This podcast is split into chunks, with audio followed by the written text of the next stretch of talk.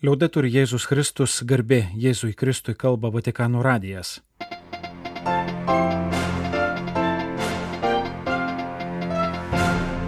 Malonus klausytujai šioje programoje. Trečiadienio katecheze. Visi krikščionys te liūdėja, jog Dievo meilė yra skirta visiems. Popiežius pasveikino moteris ir meldė už Ukrainą. Rusijos katalikų viskupų susitikimas, buvusio Maskvos vyriausiojo rabino mintis ir perspėjimas. Pasaulinė maldos diena.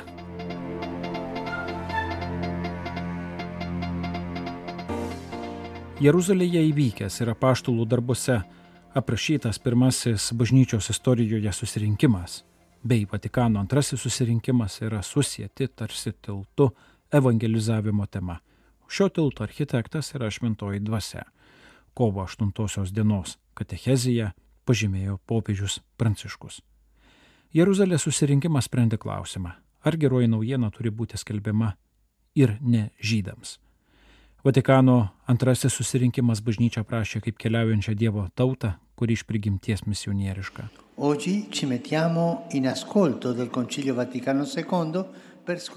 Šiandien išgirskime Vatikano antrąjį susirinkimą ir atskleiskime, jog evangelizacija visada yra bažnytinė tarnystė niekada nėra izoliuota ar individuali veikla, sakė popiežius. Evangelizacija, kurios nereikia painioti su prozelitizmu, visada yra krikščionių bendruomenės reikalas. Evangelizuotojas visada perduoda tai, ką pats yra gavęs.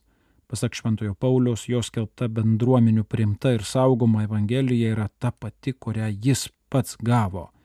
Tikėjimas gaunamas ir perduodamas. Toks būdas yra privalomas ir užtikrina perdodamos žinios autentiškumą. Galatams Paulius rašo, kad jei jis pats ar angelas iš dangaus imtų skelbti kitokią evangeliją, negu yra paskelbta, ją reikia atmesti. Tai verta atsiminti ir šiandien, kai netrūksta įvairių madų.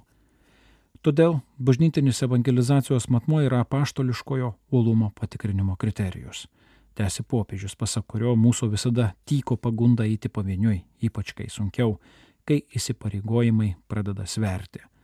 Kita pagunda yra pseudo bažnytiškumas, už kurios lypi pasaulio logika - skaičiai, apklausos, pasitikėjimas savo idėjomis, programomis ir struktūromis.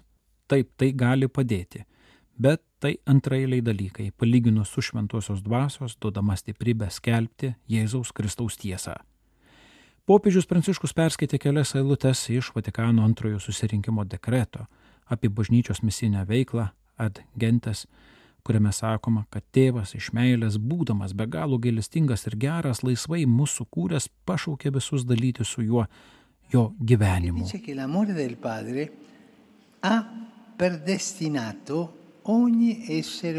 Tėvo meilė yra skirta kiekvienai žmogiškai būtybei. Tai pamatinė tiesa. Dievo meilė nėra skirta vienai grupiai, tačiau visiems ir neišskiriant nei vieno. Ji perduota per Jėzaus misiją ir per visose žmonėse veikiančios šventosios dvasios misiją. Dekreta atgentės pabrėžima, jog bažnyčia turi tęsti Kristaus misiją, skelbti gerąją naujieną vargšams, laikytis tų pačių neturto, paklusnumo, aukojimuose ir tarnystės nuostatų kaip Kristus, miręs ir pergalingai prisikėlęs jei nori parodyti ir realizuoti dieviškai sumanimą pasaulyje bei istorijoje. Pasak popiežiaus tai leidžia mums geriau suprasti apaštolinio ulumo prasme. Tai ne pavienio žmogaus entuzijazmas su Dievo malone, kurią turime saugoti. Tai ne vienos grupės ar luomo, bet visų pakrikštytųjų liudėjimas. Kiekvienas pakrikštytasis krikštu įskiepėtas į bažnyčią yra pakvestas liudyti tikėjimą, kurį gavo dalyvauti bažnyčios misijoje, o per tai Kristaus, karaliaus, kunigo ir pranašo misijoje. Kvietimas būti mokiniais ir misionieriais yra kvietimas nepamiršti, nesuakmenėti, nulatos ieškoti kūrybingų būdų liudyti ir prisartinti prie žmonijos žaizdų. Naujų būdų tarnauti Evangelijai ir žmonijai. Nėra evangelizavimo be tarnavimo. Tai neslepia popiežius Pranciškus apima ir širdies nerimą, neužsidarimą sustingusioje asmeninės ramybės erdvėje. Bet tuo pat metu tai yra gyvenimo pilnatvės, už kurią dėkojame Dievui, dovanos pripažinimas, prieimimas savo ir kitiems.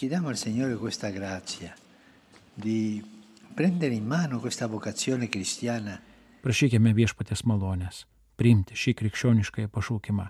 Dėkojame viešpačiui už tai, ką jis mums davė, užduotą lobį ir stengiamės jį perduoti kitiems, sakė popiežius Pranciškus kovo 8 dienos katechezija.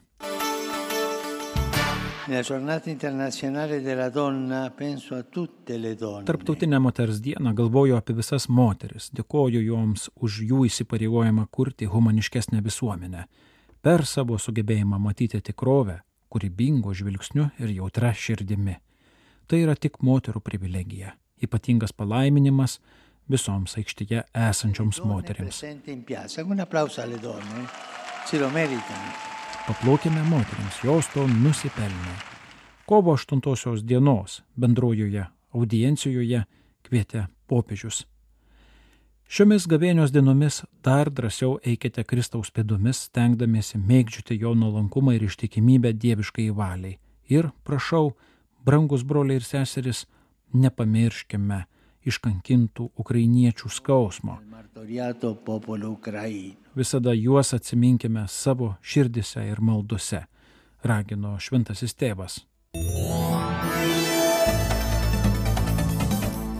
Vasario 28 kovo 2 dienomis netoli Novosibirsko posėdžiavusi Rusijos federacijos viskupų konferencija paragino krašto vyriausybės narius ir visus krikščionis atsiverti Evangelijos vertybėms kuriomis dalyjasi katalikų bažnyčia.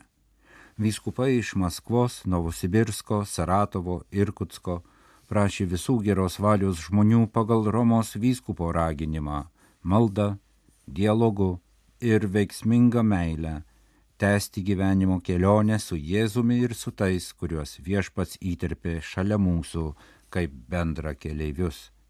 Rusijos katalikų ganytojai prisiminė daugelio vyrų ir moterų pasaulyje patiriamus sunkumus, ypač Ukrainoje, Kaukaze, Sirijoje ir Turkijoje. Taip pat Rusijos visuomenę kamuojančias šio laikinės problemas - skirybas, smurtą šeimoje, abortus, skurdo situacijas.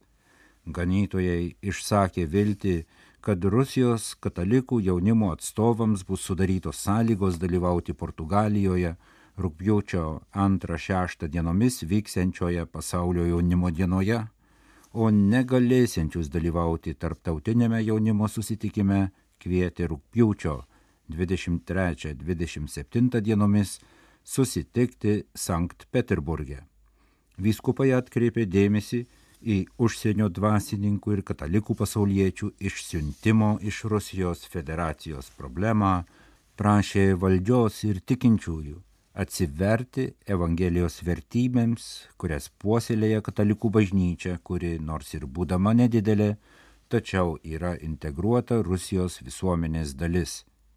Siekite tiek asmeniniu, tiek bendruomeniniu lygmeniu geriau suprasti, ką reiškia nūdieną išgyventi pastoracinį ir misionierišką atsivertimą, į kurį kviečia popiežius Pranciškus, pažymėjo bažnyčios Rusijoje ganytojai. Anot jų malda, palydima pasninko, Kristaus meilės jį nuvedusios iki mirties ir prisikėlimo kontempliavimas, dialogas, leidžiantis tikintiesiems pasidalyti savo rūpeščiais su artimaisiais ir draugais ir artimo meilės darbai, kaip tie, kuriuos pietvakarių Rusijos katalikai nesavanaudiškai vykdo visų labui, neatsižvelgdami į išpažįstamą konfesiją, ypač stokojantiems, yra būdai, kuriais katalikai Rusijoje gali eiti ir darbuotis kartu ypatingomis istorinėmis dabartinio laikmečio sąlygomis. Vyskupų konferencijos posėdėje dalyvavo taip pat apaštališkasis nuncijus, kuris posėdžių pabaigoje aukoja šventasias mišes Sibiro sostinės katedroje, o po jų su kitais Rusijos vyskupais susitiko su Novosibirsko atsimainimo vyskupijos parapijų atstovais, tokiu būdu savo asmeniu paliudydamas ypatingą popiežiaus artumą vietiniai bažnyčiai. Rusijos vyskupai episkopato pirmininko pareigose dar vienai trijų metų kadencijai patvirtino Paulo Peci, Maskvos Dievo motinos arkivyskupijos ganytoje. Rusijos viskupų konferencijos generalinio sekretoriaus pareigas toliau tęs jėzuitas tėvas Štefan Lipke. Prieš metus 2022 m. kovo vyriausiasis Maskvos rabinas Pinčas Goldschmidtas išvyko iš Rusijos. Foreign Policy paskelbtame straipsnėje jis apžvelgia Rusijos religinių bendruomenių ir Rusijos valdžios santykius bei duoda vertingą patarimą joje likusiems religiniams lyderiams. Į tuomet dar sovietinė Rusija prisimena Šveicarijoje 1963 metais gimęs rabinas, jis atvyko 1989-aisiais pačiame perestroikos įkarštyje su užduotimi gaivinti žydų bendruomenę po 70 metų komunizmo. Vieną 2003 metų žiemos dieną jis gavo nurodymą prisistatyti į policijos būstinę, kur jo laukė du Rusijos federalinio saugumo pareigūnai. Jie pradėjo aiškinti, kad yra problemų su jo viza ir jo buvimo Rusijoje legalumu, bet jei bendradarbiaus su jų agentūra, šios problemos bus išspręstos. Pasak Rabino Pinšo Goldschmito, nors buvo sukristas iki gelmių, jis kategoriškai atsisakė. Žinau, kad vėlesniais metais buvo daug bandymų užverbuoti mano kolegas žydų bendruomenėje. Be to federalinio saugumo tarnybos agentai reguliariai stebėjo, lankė ir gazdino religinių organizacijų vadovus, užtikrindami, kad visi žinotų apie jų buvimą. Kai kurie žydų studentų lyderiai buvo iškviesti į jų biurus Liubjankos aikštėje, rašo buvęs Maskvos vyriausiasis rabinas.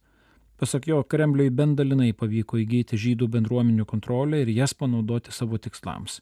Pavyzdžiui, Rusijos propaganda pasinaudojo Rusijos žydų bendruomenių federacijos pastatytų tolerancijos muziejumi, kad įtikinėtų, jog karas Ukrainoje yra kova su nacistais. Kodėl religija ją iškraipant naudojamas kaip ginklas, kaip nusikaltimų prieš žmoniją ir karo Ukrainoje pateisinimas? Rabinas Pinčas Goldšmitas atkreipė dėmesį į Rusijos ortodoksų bažnyčios situaciją ir vaidmenį. Po 70 metų komunizmo ji buvo beveik sugriauta ir vėl įgyjo balsą 1991 metais. Tačiau jos suklestėjimas sutampa su Putino atėjimu, kaip byloja kone 10 tūkstančių bažnyčių ir vienuolynų statybos. Apie 1990-aisiais Vienas Rusijos ir ortodoksų reikalų žinovas rašė, citavo rabinas, kad Rusijos ortodoksų bažnyčia atsidūrė prieš dvigubą pasirinkimą. Viena - prisidėti prie krašto demokratizavimo ir žmonių gyvenimo siekio, kaip kad vakarų Europos katalikų ir protestantų bažnyčios. Arba prisišlėti prie valdžios su autoritarinėmis tendencijomis ir gauti už tai privilegijų, įskaitant gražiausias bažnyčias.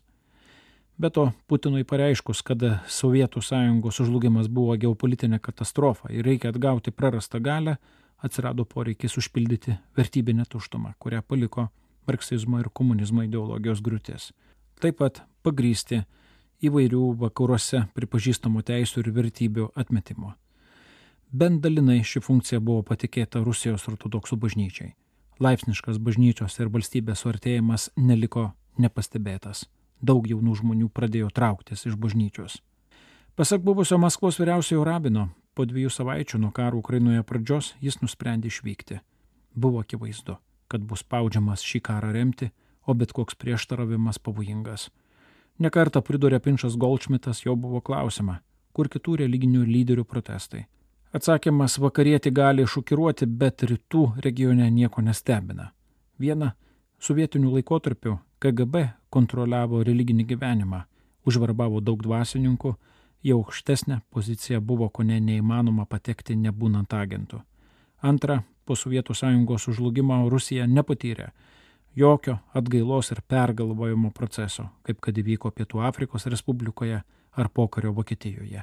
Kiek pasikeitė retorika, o metodai ir politinė kultūra liko tie patys po Sovietų sąjungos žlugimo kurį laiką religinių lyderių verbavimas, naudojant grasinimo šantažą ir manipulaciją, nurimo. Bet su Putino iškelimu seni metodai vėl pradėti taikyti visą jėgą krikščionių, žydų ir musulmonų bendruomenių tarpe. Vis tik pažymė rabinas jis dažnai svarsto, kodėl ortodoksų lyderiai tarsi pamiršo didelę kainą, kurią sumokėjo už tai, kad ortodoksų bažnyčia per daug tarnavo cariniai valdžiai bolševikai tūkstančius kunigų ištrėmė į gulagą. Žinoma, jie vieną dieną į Rusiją ateis, demokratinė valdžia, to nereikia laukti. Tačiau, ko ne, neišvengiamai milijonai žmonių nusigręš į kitą pusę nuo ortodoksų bažnyčios. Visi religiniai lyderiai turėtų prisiminti vieną esminį principą. Jų pagrindinis turtas yra žmonės, o ne katedros. O už visišką susilijimą su valstybe tenka sumokėti didelę kainą. Valstybė ir bažnyčiai tapus vieną, viena iš jų pavojingai ir gazdinančiai tampa nereikalinga, rašo rabinas.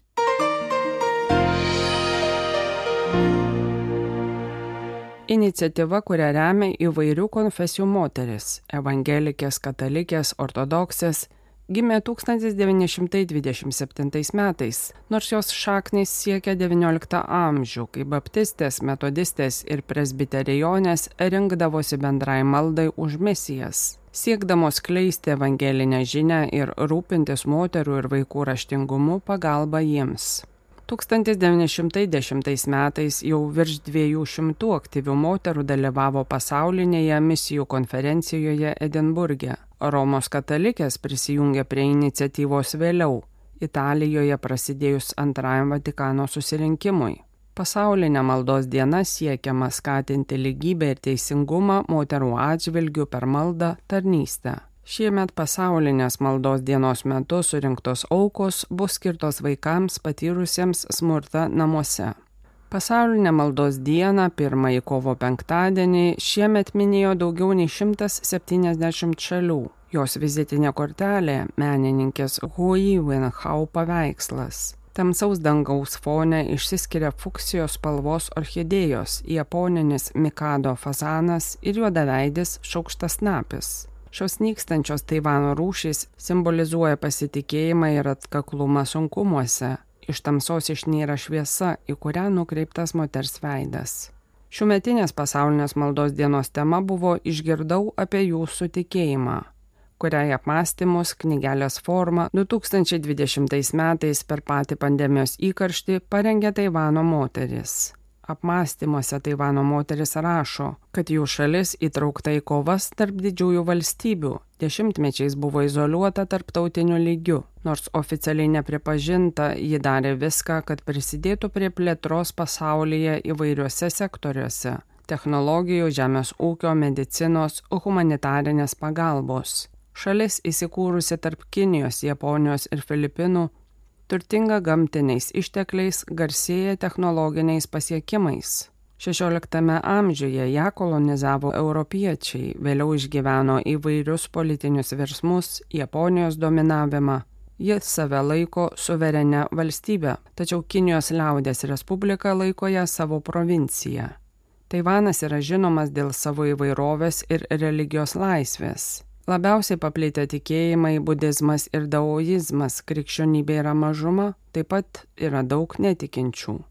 Dauguma gyventojų sudaro imigrantų iš Kinijos palikuonis. Yra įvairių vietinių etninių grupių turinčių savo kalbą ir kultūrą.